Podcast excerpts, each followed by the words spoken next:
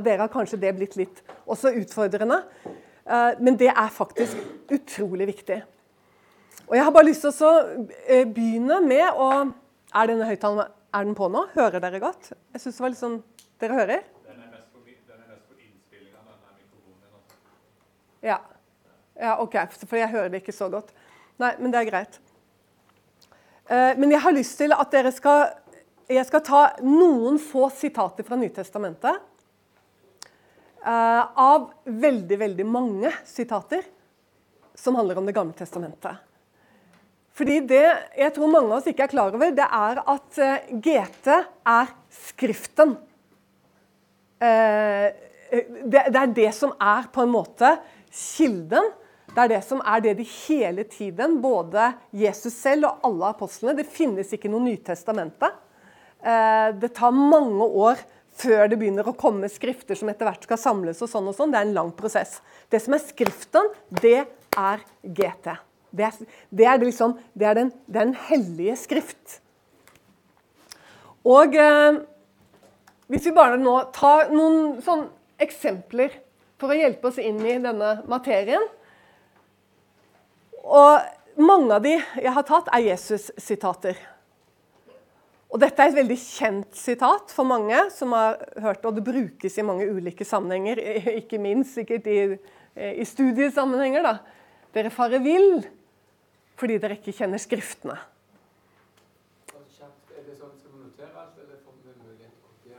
Eh, dere behøver ikke å notere dette her, for denne, denne presentasjonen den sender jeg hvis man ønsker den. Så kan jeg sende den til skolen her, eller til Markus, og så kan han, til de som vil ha den, så kan han dele den ut. Er ikke det en grei plan? Jo. Mm. Ja, altså, dere farer vill fordi dere ikke kjenner Skriftene. Er det liksom Hva er sammenhengen her? Og du vet at stadig vekk når eh, Jesus eh, eh, taler, om det er i synagogene eller om han taler til folk ute, eller hvor han er, så er ofte fariseerne Det er i hvert fall sånn vi får det etterlevert. Så er fariseerne ikke langt unna. Når du leser de fire evangeliene, så føler du som at fariseerne nærmest fotfølger han omkring. Og Noen ganger så står det saduseerne, eller det er de skriftlærde, eller det er rådsherrene. Det er disse som du egentlig kan ta en samlebetegnelse skriftlærde. Altså eh, jødiske menn som er opptatt av skriftene. Leser skriftene, studerer skriftene. De har sine skoler, de har sine ulike retninger som de følger. Og det, Nå er det saduserende. For saduserende det var én retning innen jødedommen. Vi kan ikke begynne å gå inn i det nå. Uh, saduserende de tror nemlig ikke på at det finnes en oppstandelse. Sånn? Så de begynner nå å si ting til Jesus ikke sant? fordi de uh, vil prøve å sette ham fast. Eller de vil prøve å utfordre ham på dette med at det finnes en oppstandelse fra de døde. Og, så, og det er inn i den sammenhengen at Jesus sier dere farer vill fordi dere ikke kjenner Skriftene. Og bare det er litt sånn, det er ikke noe selvfølge at vi som kristne vet hvor i Gamle Testamentet du kan finne steder hvor det står om, at, uh, om evig liv. Er det det? Er det mange av dere som har det inne? Er det noen av dere i det, hele tatt som kan gi meg skriftsted på det? I Gamle Testamentet på evig liv? Nei, ikke sant? Altså, dette, men dette er bare bra. Eh, Fordi ja, det er jo det. For dette understreker eh, sant? Da blir det bare viktig. Og så understreker det eh, forholdet vårt til Gamle testamentet. Vi tenker at det er en hel rekke ting som dukker opp i Det nye testamentet. Men som allerede er åpenbart i Det gamle testamentet. Men saken er at på samme måte i dag som den gangen, så er det slik at man risikerer å fare vill hvis man ikke kjenner Skriften. Det er den store autoritet. Kjenner du ikke Skriften, så kan du fare vill i ulike former for lærer som faktisk ikke er Guds åpenbarte ord. Og det er det han nå rett og slett konfronterer saduseerne på at de farer vill fordi de ikke kjenner Skriftene, og nemlig ikke skjønner at evig liv det er noe som er åpenbart i Skriften. La oss da, eh, siden jeg nå sier eh, at eh, du kan finne det i Det gamle testamentet, så la meg gi deg noen sitater på det. Og da, dere, da kan du notere deg Dette står nå ikke på plansjen. Salme 16, 9-11. Jobb 19, 26. Jesaja 26, 19. Jesaja 25, 8. Hosea, profeten Hosea, kapittel 13, vers 14. Og for ikke bare på en måte gi deg henvisninger, og så glemmer du kanskje å lese det i ettertid, så la meg ta eh, et par av de og lese hva f.eks. som står i Jesaja 26, 19. Dine døde skal bli levende. Mine lik skal oppstå. Våkn opp og juble, dere som bor i støvet. For dugg over grønne urter er din dugg, og jorden gir dødninger tilbake til livet. Det er ett sted. Et annet sted som er veldig kjent, det er eh, Eller det er jo det som kommer i kapittelet før, 25,8. Han skal oppsluke døden for evig. Og Herren Israels Gud skal tørke gråten av alle ansikter. Jeg tenker på den fantastiske sangen som dere hørte på avslutninga av samlingen i dag. Hun sang jo om akkurat det. At han skal sant, tørke hver tåre på våre kinn. Han skal tørke gråten av alle ansikter. Og så står det også, da, det er jo en fantastisk profeti for eh, hans folk og sitt folks vanære altså det jødiske folks vanære, skal han ta bort fra hele jorden, for Herren har talt. Det betyr ikke at det ikke innebærer oss, for å si det sånn. Eh, det var liksom bare noen, La oss ta Hosea òg, for det, Hosea er jo bare så flott. Um, I kapittel 13 eh, vers 14 så står det av dødsrikes vold vil jeg fri dem ut. Fra døden vil jeg forløse dem. Død, hvor er din pest? Dødsrike, hvor er din sott? Hæ? Det blir jo sitert av Paulus ikke sant, senere. Det er jo bare, uh, Du kjenner liksom, du får nesten frysninger når du leser det. Det er vel i Korinterbrevet, tror jeg, at du finner det igjen. Jeg skal ikke si det helt sikkert, men jeg mener det er det.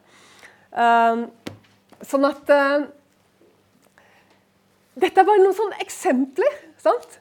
på, på vår uh, GT-kunnskap om hva du finner i GT. Og er det sant, dette, at dette er de hellige eh, skrifter. Her, Sammenhengen her Nå er vi i Matteus 26. kapittel. Vi skjønner vi er ganske langt ute i evangeliet. Vi er eh, nå, eh, forstår vi, i nærheten av korsfestelsen og Jesu lidelsesvei. Og eh, vi er nå eh, ved Vi er i Getsemane. Vi er i Getsemane, Det er det som er sammenhengen her. Eh, fordi en av disiplene har bare slått til skikkelig. Eh, soldatene har kommet, og så er det en av disiplene Mange tror at det er Peter, men jeg tror ikke det står. Jeg har i hvert fall aldri lest at det står at det er Peter. Men en av disiplene tar sverdet og bare like godt slår av øret. Rett og slett eh, kapper av øret på en av soldatene for å forsvare Jesus. Og seg selv, sikkert. Uh, og da er det Jesus ikke sant? Han bare trår til jeg syns at vi må faktisk lese det som skjer her i Matteus. Uh,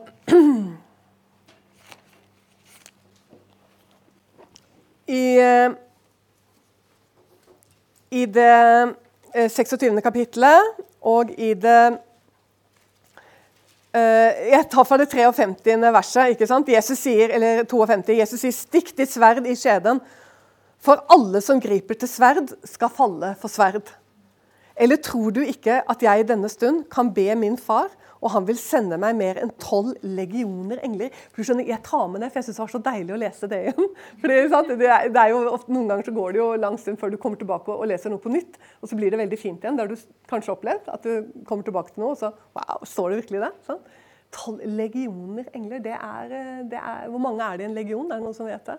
Det er, det er ganske voldsomt antall, og her er det tolv legioner. Det som er så skjønt med det, er at Jesus er så suveren her. Han er liksom så eh, han, han, er liksom så fullstendig jeg håper å si, overpå, men det er ikke et bra ord. da. Men eh, Det er ikke noe annet jeg kom på akkurat nå. Sant? Men, eh, men i forhold, villigheten til å gå denne lidelsesveien, det er det jeg mener. Sant? Altså, men så kommer det fantastiske som han sier, da. Hvorledes skulle da Skriften oppfylles? De som sier at dette må skje. Han snakker jo ikke om Nytestamentet, han snakker om Det gamle testamentet. Og han, eh, han formaner eller refser sin disippel her, sant? som prøver her å forhindre at det, det som står skrevet om ham, det må skje. Altså, han henviser til hva da? Er det noen som Nå, nå skal dere få lov å svare, for her er det et klart svar, eh, egentlig, på det mest tilforlatelige stedet å gå som Jesus henviser til når han sier dette. Det er Jesaja 53. Profeten Jesaja 53. Har dere, er det no, si, er det ukjent for dere, Jesaja 53? Ja, det er bra. Noen nikker her, og da vet jeg det. ikke sant? Eh, Jesaja 53 er den sterkeste Messias-profetien i Det gamle testamentet på Jesu Kristi lidelse eh, og død. Vi kommer tilbake til det helt sikkert igjen. Eh, men jeg syns at siden det er ukjent for noen av dere, så syns jeg at vi må gå dit. Eh, rett og slett rekke opp hånden alle de som dette er ukjent for. Det finnes ikke noe flaut her. Rekk opp hånden det der, du er ukjent med Jesaja 53. Ja, det er, eh, det er noen, og det er nok til at vi leser det. Vi leser ikke hele Jesaja 53, men vi leser noen utvalgte vers. Jeg syns at hvis det er lenge, veldig lenge siden, og du er litt usikker på hva som faktisk står i det kapitlet som helhet, så les det før du sovner i kveld. Rett og slett fordi det er et så utrolig viktig kapittel i Det gamle testamentet. Du kan ikke understreke det nok. Han skjøt opp Altså, dette er uh, Han, Messias, skjøt opp som en kvist for hans åsyn, og som et rotskudd av tørr jord. Han hadde ingen skikkelse og ingen herlighet, og vi så ham, men, ikke, men han hadde ikke et utseende så vi kunne ha vår lyst i ham. Foraktet var han og forlatt av mennesker, en mann full av piner, vel kjent med sykdom.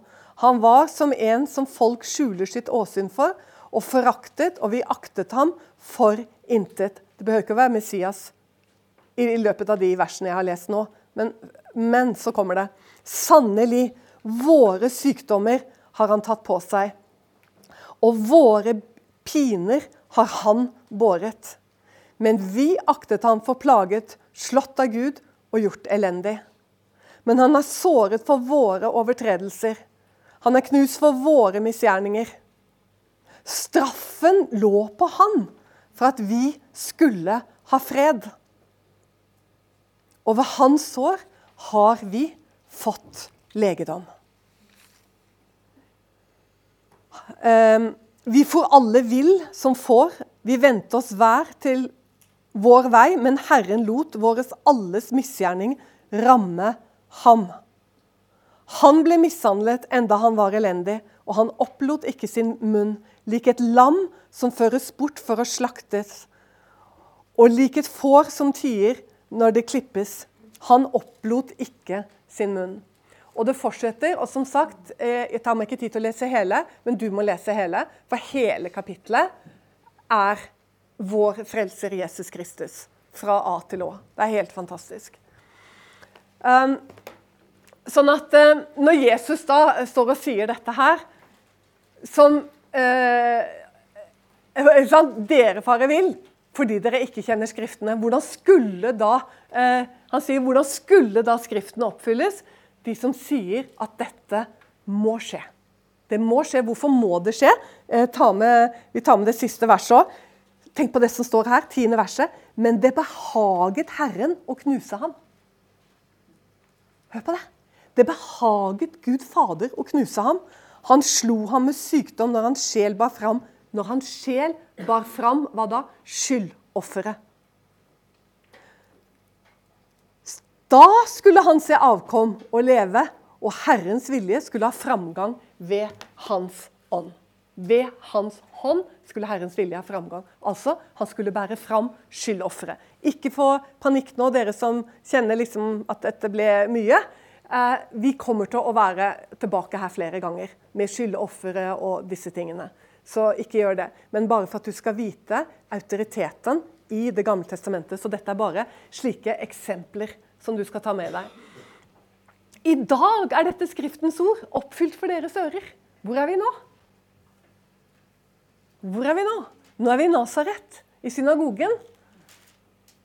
Og eh, eh, dette er hjemsynagogen til Jesus. Dette er menigheten hans. Men nå har han vært borte lenge, for han har begynt sin tjeneste. Og han reiste fra 40 dagers faste i ørkenen. Så reiste han til Galilea. Han forlot Judea og reiste opp til Galilea. Og det er jo ikke så rart, tenker du, for han var jo galileer. Men eh, han må reise til Galilea, for også det er en oppfyllelse av Skriften, nemlig at Galilea skal ikke lenger ligge i mørket. På Jesus sin tid og lenge før han så var Galilea sett på sånn hedningenes mørke. Det var hedningeland. Og stakkars de jødene, det var jo mange av dem som bodde der, men det var liksom synd på Galilea-jødene, for det var liksom mot hedningenes Galilea. Jesus måtte opp og begynne sin undervisning i Galilea fordi det var skrevet om ham allerede i Skriftene. I Skriftene var det forutsagt at det var Galilea hvor han skulle begynne sin undervisning. Og nå har han vært rundt omkring i Galilea, i synagogene, og det har skjedd utrolige ting som aldri har skjedd før noen gang. Og ryktene går. Og ryktene har kommet til hjemmenigheten hans i Nasaret. Sånn? De gir han bokrullen, Jesaja-rullen. Hvorfor tror du de gjør det? Det er fordi profeten Jesaja det er der du finner flest nedskrevne Jeg bruker ikke profeti og disse ordene ennå, fordi vi skal inn i det etterpå. Og da skal vi gå grundig inn i hva er profetord og sånn og sånn. Men det var skrevet. Der hvor det er skrevet mest om ham, tror jeg vi kan si at det er Jesaja. I hvert fall, om ikke i mengde, for Salmenes bok kommer høyt opp, det òg, så i hvert fall i dybde. Om hvem han er, hva er det som skal kjennetegne han. Hans person, hans tjeneste. Så er det profeten Jesaja. Så i dag er dette Skriftens ord oppfylt. Det kommer av, Jesus sier det, fordi de gir han Jesaja-rullen. Og det gjør de fordi de lurer på, vet du. Hvem er han, vår Jesus? Sant? De har nok lurt på han tidligere òg.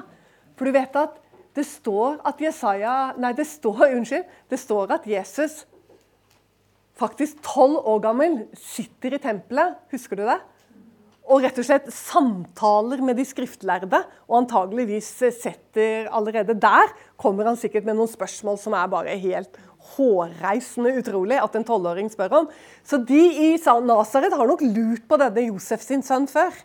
Hvem er denne gutten, liksom? Men nå har de alvorlig begynt å lure. Fordi de har hørt rykter om hva som har skjedd i de andre synagogene.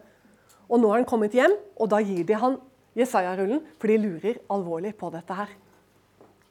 Og da går han til en av de viktigste profetiene, Jesaja 61. Det kan du notere deg. Jesaja 61. Jesaja 61, 1-3, men når du får tid, les hele. Det er alltid greia når jeg sier et kapittel, så er det alltid at du skal lese hele kapittelet. Jesaja 61. Og det er det, det er det, Jesus gjør i synagogen. Og det er bare så utrolig, for når han gjør det, så sier han at han er Messias. Og hele synagogen han, altså, Så lukker han boken, setter seg midt i profetien. Han leser den ikke ferdig heller. Han leser ikke hele Messias' Det som står skrevet om Messias her, da. Sant? Vi bruker ikke profetien nå. Det som står skrevet om Messias her i Gamletestamentet, som vi har i vårt 61. kapittel Han leser ikke hele. Han leser til midt i, lukker boken, setter seg og sier i dag er dette Skriftens ord oppfylt for deres ører. Hele synagogen bare Hæ? Han sier at han er Messias. Sånn? For der står det Er det noen som vil lese høyt hva det står der? Da skal du bare lese til nådens år. Er det noen som vil lese høyt? Kom igjen. Kjør på. Ja, du leser høyt. Nei, du må lese høyere. Herrens ånd er over meg, for, Herre, for Herren Gud har salva meg. Han har sagt, nei, sendt meg for å forkynne et gledesbudskap for de arme, for å lege dem som har et knust hjerte, rope ut frihet for fanger og for dem, og frigjøring for dem som er i lenker. Jeg skal rope ut et nådens år fra Herren. Der stoppet han. Profetien fortsetter, og vi kommer inn i det senere i en annen anledning, for det er kjempespennende. Men nå skal vi bare ta det som står her. Han lukker boken, setter seg og sier i dag er dette oppfylt. Hva er det som er oppfylt? Jo, at nå skal det forkynnes et godt budskap for de fattige, eller for de saktmodige. Det står litt forskjellige ting. La oss si for de arme, for de fattige. Det er et godt budskap for de fattige, sier Jesus. Og så sier han at det er et budskap som forkynner at eh, de sønderknuste skal bli lekt. Han sier at de som er eh, bundet, skal bli løst. Og de som er fanger, skal bli satt i frihet. Tenk deg å si det! Sånn? Og i dag er det en ting er å si det, det er det mange rabbinere som har sagt før han, og henvist til Messias. Men han sier det. Og i dag er dette oppfylt for deres ører. Og så setter han seg ned. Da sier han at han er Messias. Det er bare helt fantastisk. Det, en sånn, det blir en hode, altså det blir en rystelse inni synagogen. Og eh, Jeg skal ikke fortsette her nå, for her kunne du si en hel masse. For det ender jo med at de jager han ut av synagogen, holder på å ta livet av han eh, eh, og sånn. Han sier noen voldsomt provoserende ting. Du må, igjen må jeg si at du får lese den når du får tid, og kose deg med dette. For det er veldig sterkt kapittel som du finner i Lukas, i det fjerde kapittelet, hva som skjer i hjemsynagogen hans, i Lukas eh, 4. Men, eh, men det er jo særlig dette at han forkynner eh, til synagogen. Sant? Dette er jo den religiøse høyborg. Sant? Å komme inn i en synagoge og si at fanger skal bli løst, altså det er jo en fornærmelse. Er vi fanger? Altså det er jo litt sånn Komme inn i en skikkelig sånn eh, super Hva skal du si religiøs menighet i eh, i det beste del av eh, bibelbeltet, liksom. Skjønner du? Og, og han kunne jo sikkert gjort det der òg, vet du. Sant? Fordi at det er jo bundet iblant oss, dessverre, og fanger og i det hele tatt. Men det er, jo, det er jo dette som gjør dem så harm. Og da begynner de med en gang Er ikke dette Josefs sønn? Er ikke dette Josefs sønn? Tømmermannen. Og du, Jeg kunne ha lyst til å si masse om dette, men jeg har en tale som ligger ute om akkurat denne, så det får vi bare overlate til det, for vi må videre. Men det er, det er fantastisk. Og så Nytt sted som, til, som igjen henviser til Gamle testamentet. Og det er Og han begynte fra Moses og fra alle profetene og utla for dem i alle skriftene det som er skrevet om ham. Hvor er vi nå? Emmaus-vandrerne. sant? Det er jo også fantastisk, sammenhengen her. Hvor, eh, hvor eh, de er så sørgmodige. Det er eh, slik at det er nå den tredje dagen etter at han ble korsfestet. De burde jo være kjempeglade, ikke sant? For de har hørt rykter. De har jo hørt rykter, For noen av kvinnene sier de, har sagt at han ikke er der. Hans legeme er ikke der, og at han har oppstått. Men de her de går og sørger og er sørgmodige. Og så kommer det en mann opp vet du, og begynner å gå sammen med dem og sier hvorfor er dere liksom så sørgmodige? Hva er det dere går og prater om? Og så sier han er du den eneste sier de, som ikke har hørt hva som har skjedd. Så, så Bibelen har jo litt humor. For det er jo da Jesus som går sammen med dem, og så lurer de på da er du den eneste i hele Israel som ikke er klar over hva som har skjedd iblant oss. Veldig bra.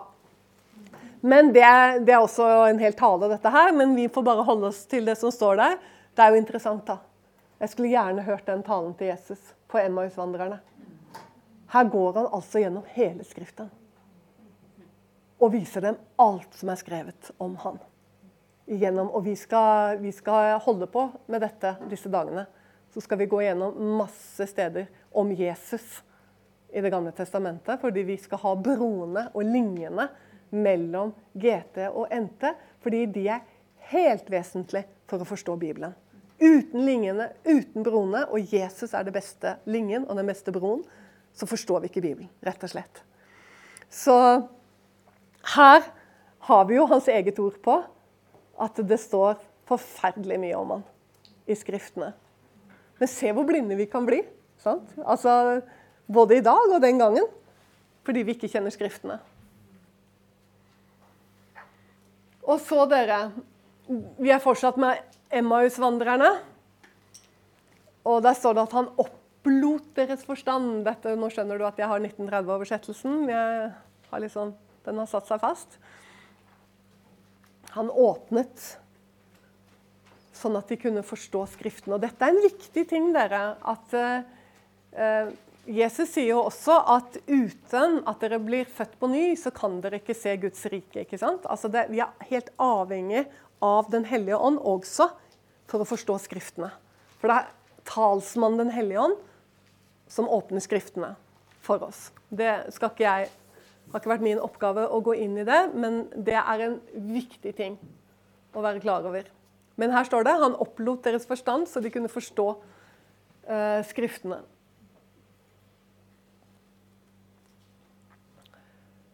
Og så står det da i Johannes 2, 22. kapittel, og dette er et sted i Johannes evangeliet hvor det snakkes om i forbindelse med at Jesus sier at 'riv dette tempelet ned', og jeg skal gjenoppbygge det på tre dager.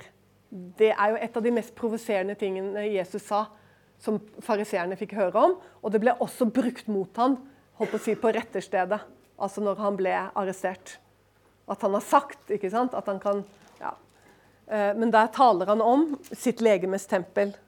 Ved sin død, ved sin korsfestelse, død, begravelse, oppstandelse, som det nye tempelet. Men det jeg vil at du skal legge merke til, er, det er faktisk sammenhengen her. Nei, rekkefølgen.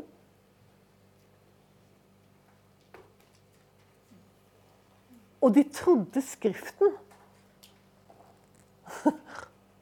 Og det ord som Jesus sa. Det, det, er ganske viktig. For det sier noe om den enorme autoritet som Skriften har. Som Skriften hadde for jødene, og som Skriften må ha for oss. Det er Skriften først. Det er Skriften først.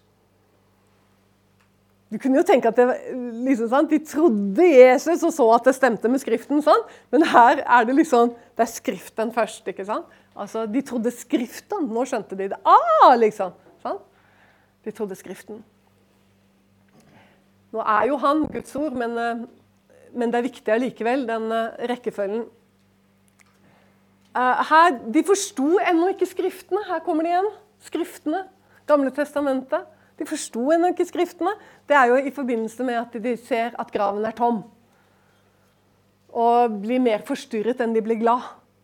Og Hvorfor blir de mer forstyrret enn de blir glad? Jo, for de forstår ennå ikke Skriftene. Altså, De burde forstå.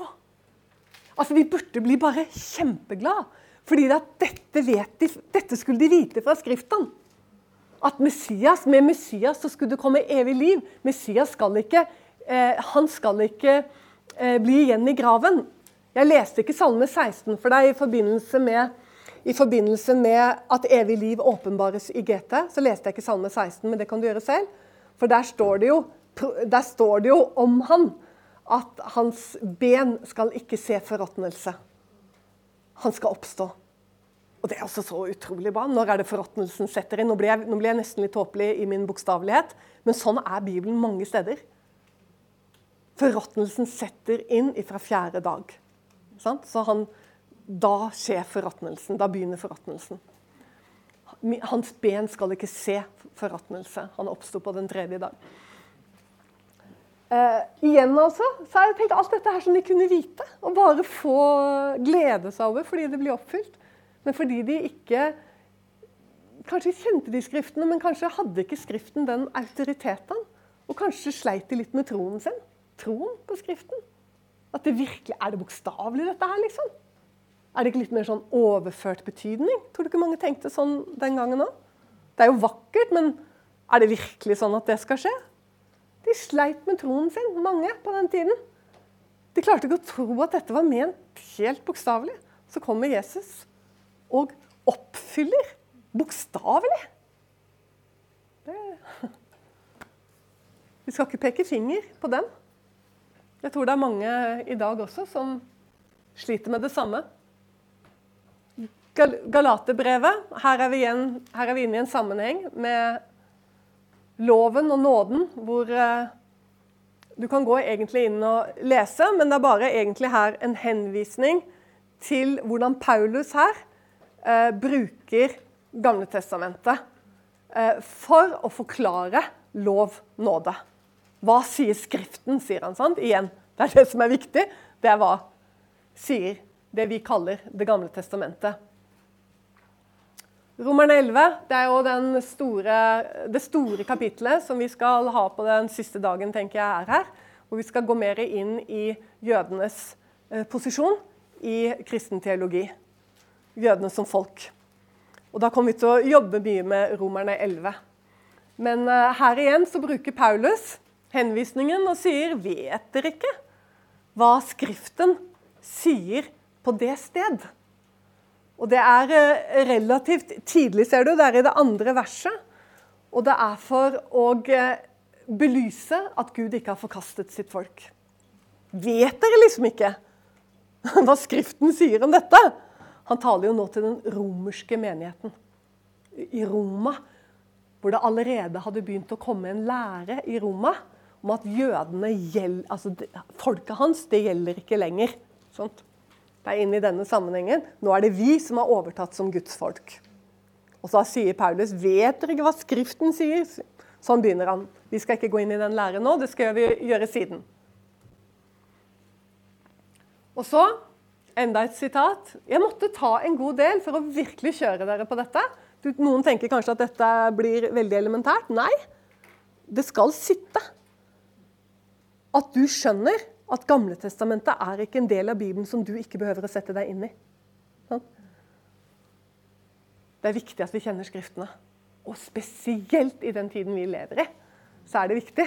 Fordi det er en tid hvor det kommer bare mer og mer ulike røster og lærer for å forsøke å rokke, eh, eh, rokke Guds barn. Troens folk. Her er det ifra Det er jo helt fantastisk. Den er jo bare jeg holdt på å si, Den er jo bare en av de aller beste da, i Korinterbrevet. Eh, for der står det jo ikke sant, Kristus døde for våre synder etter Skriften. Men det står ikke bare det. Jeg burde skrevet det helt ut, for det, der det står prikk, prikk, prikk, så står det 'ble begravet etter Skriften' og 'sto opp' hva?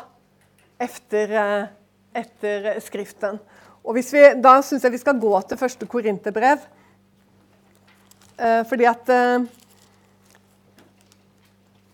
Det er ikke alle som har, eh, som har bitt seg merke i det.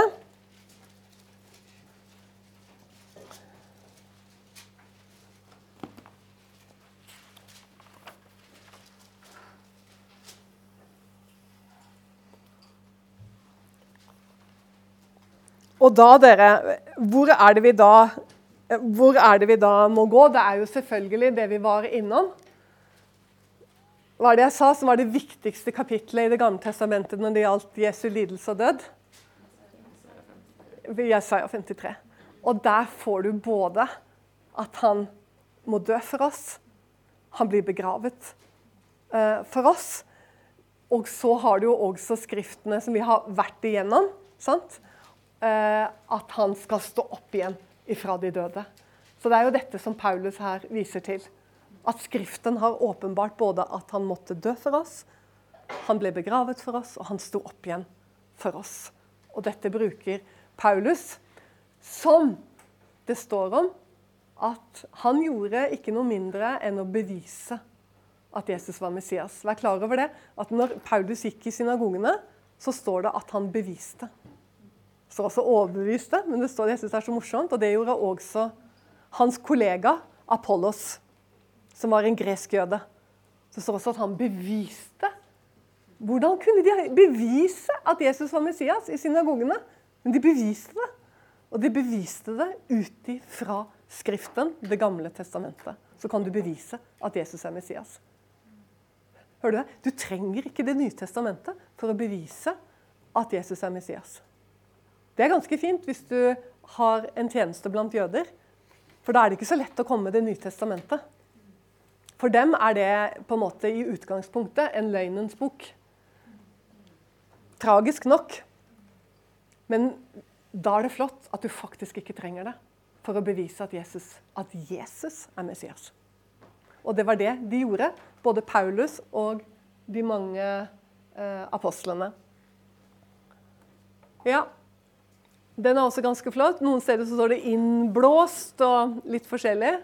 For hele Skriften er innåndet av Gud. Og det er Timotius Nå skal vi snart ha pause. Bare sånn at dere henger med. Timotius, hvem var han?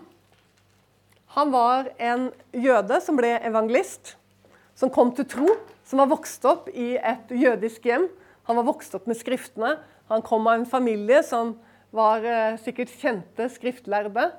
Han eh, hadde eh, vokst opp med dem fra han var barn. Og Det kan vi lese ut hvordan Paulus snakker til Timotus. Og legg merke til én ting for deg som har lyst til å få med deg alt. Lukas evangeliet. Legg merke til første verset i Lukas evangeliet. Hvem Lukas faktisk skriver til. Han skriver til en person når han skriver evangeliet. Lukas hadde jo ikke behøvd å skrive evangeliet, han også. Det er jo, Matteus har allerede gjort det, Markus har allerede gjort det. hva? Men så skal Lukas også skrive evangeliet om Jesus. Og så sier han hvorfor han gjør det. Jo, for at du, Timotus, skal lære å forstå hvor etterrettelig Nå bruker jeg litt mine egne ord, du får gå etter. Hvor etterrettelig, hvor nøyaktig, hvor 100% pålitelig de skriftene du ble opplært i, faktisk er. Kult! Tenk deg, Det er det han er ute etter. At Timotus og mange jødiske menn med han skal forstå hvor utrolig etterrettelig Det gamle testamentet, som de er opplært i, faktisk er. Nøyaktig. Nøye. Vi driver ikke med noe sånn svevende greier. Vi driver med nøyaktighet, etterrettelighet, punktlighet. Og det er det som ligger på Lukas sitt hjerte når han skal skrive evangeliet. Det er nøyaktighet, etterrettelighet, punktlighet. Merk deg det. Og Lukas er noen som sier det, vet du, at han, er, han var lege, ikke sant? så han var veldig sånn analytisk og punktlig. Men, eh, men det ligger i dette her en sånn brann for å vise jødene og hedninger hvor etterrettelig Skriftene Skriften, altså Gamle testamentet her. Alt er fortalt allerede, og nå har det skjedd iblant oss.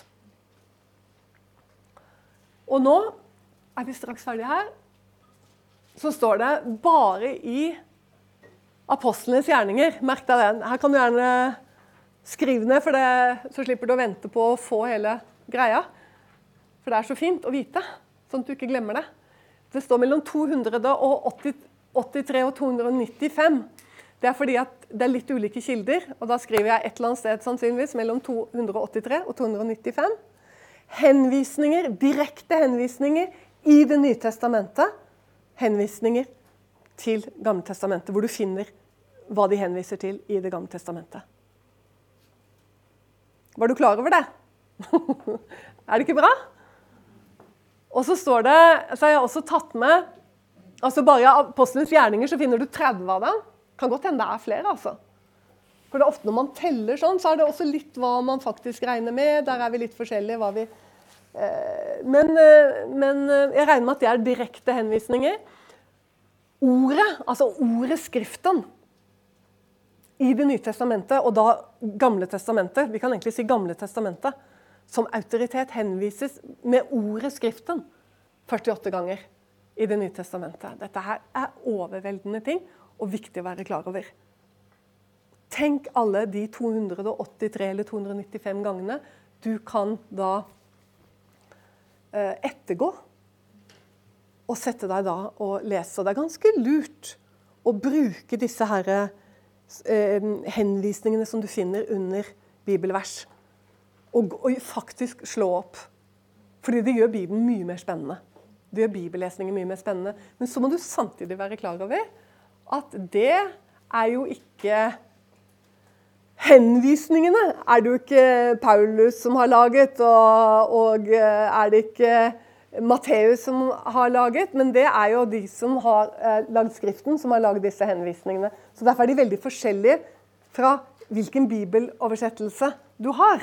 Hvilke henvisninger som kommer. Og, og det er ikke alltid du er enig med dem heller. Jeg, sant, Etter du har holdt på nå med Bibelen i Jeg har forkynt i 22-23 år, og så har jeg eh, vært, elsket Bibelen og lett masse i Bibelen fra jeg ble frelst. Altså? Er- Vi snakker jo nå 32 år. Så, så, så er det ikke alltid jeg er enig. Og jeg er litt sånn streng nå noen ganger. For jeg ser noen ganger at de, de er litt for eh, frimodige da, på hva man Er det virkelig det, liksom? Skjønner du? Så jeg liker heller den konservative delen, da. Så jeg vil sikkert da antageligvis være på 2,83-2,80. Nå høres det ut som jeg er the boss, liksom, men, men? Altså, det, blir du òg. Fordi at når du lærer deg å kjenne Skriften, så, så gjør du det. Den, den, den lar seg lære. Og den, eh, tenk på alt det vi setter oss inn i, dere. Hvor mange av dere har, har studert mer enn tre år etter videregående? Det er ganske mange av dere. Hvor mange bøker har dere lest? Hæ? Hvis du tar med videregående, og ikke for å snakke om grunnskolen, men tenk hva du har pløyd deg gjennom av bøker. Og skal du da studere seks år? Altså, du har lest hyllemetere med litteratur som du må lese, og du må lese, veldig mye av det må du lese på engelsk. Hva er det da så vanvittig vanskelig å sette seg inn i denne boka, Bibelen? Bare en avsluttende tanke nå før eh, lunsj. Sånn? Det der at det skal være så kamp. Og da skjønner vi at det faktisk er akkurat det. Det er, litt sånn, det er rett og slett litt kamp på å få satt seg inn i Bibelen og ta seg tid til det. Det er fordi det er så sprengkraft, og det er så krutt. Det som, eh, den lærdom og den åpenbaring som du finner der. Helt fantastisk. Og når vi blir slike som også kan bevise? For det er faktisk sånn i Bibelen. Selv om vi har lært at ja, vi driver jo med tro, vi driver ikke med bevis. Så, så driver Gud med bevis, og det skal vi mer inn i i løpet av disse dagene. Gud driver med bevis, faktisk. Så det er gøy. Da tror jeg at vi tar raskt, hvis det er noen spørsmål. Stå med oss økonomisk og i bønn. Du finner oss på utentvil.com.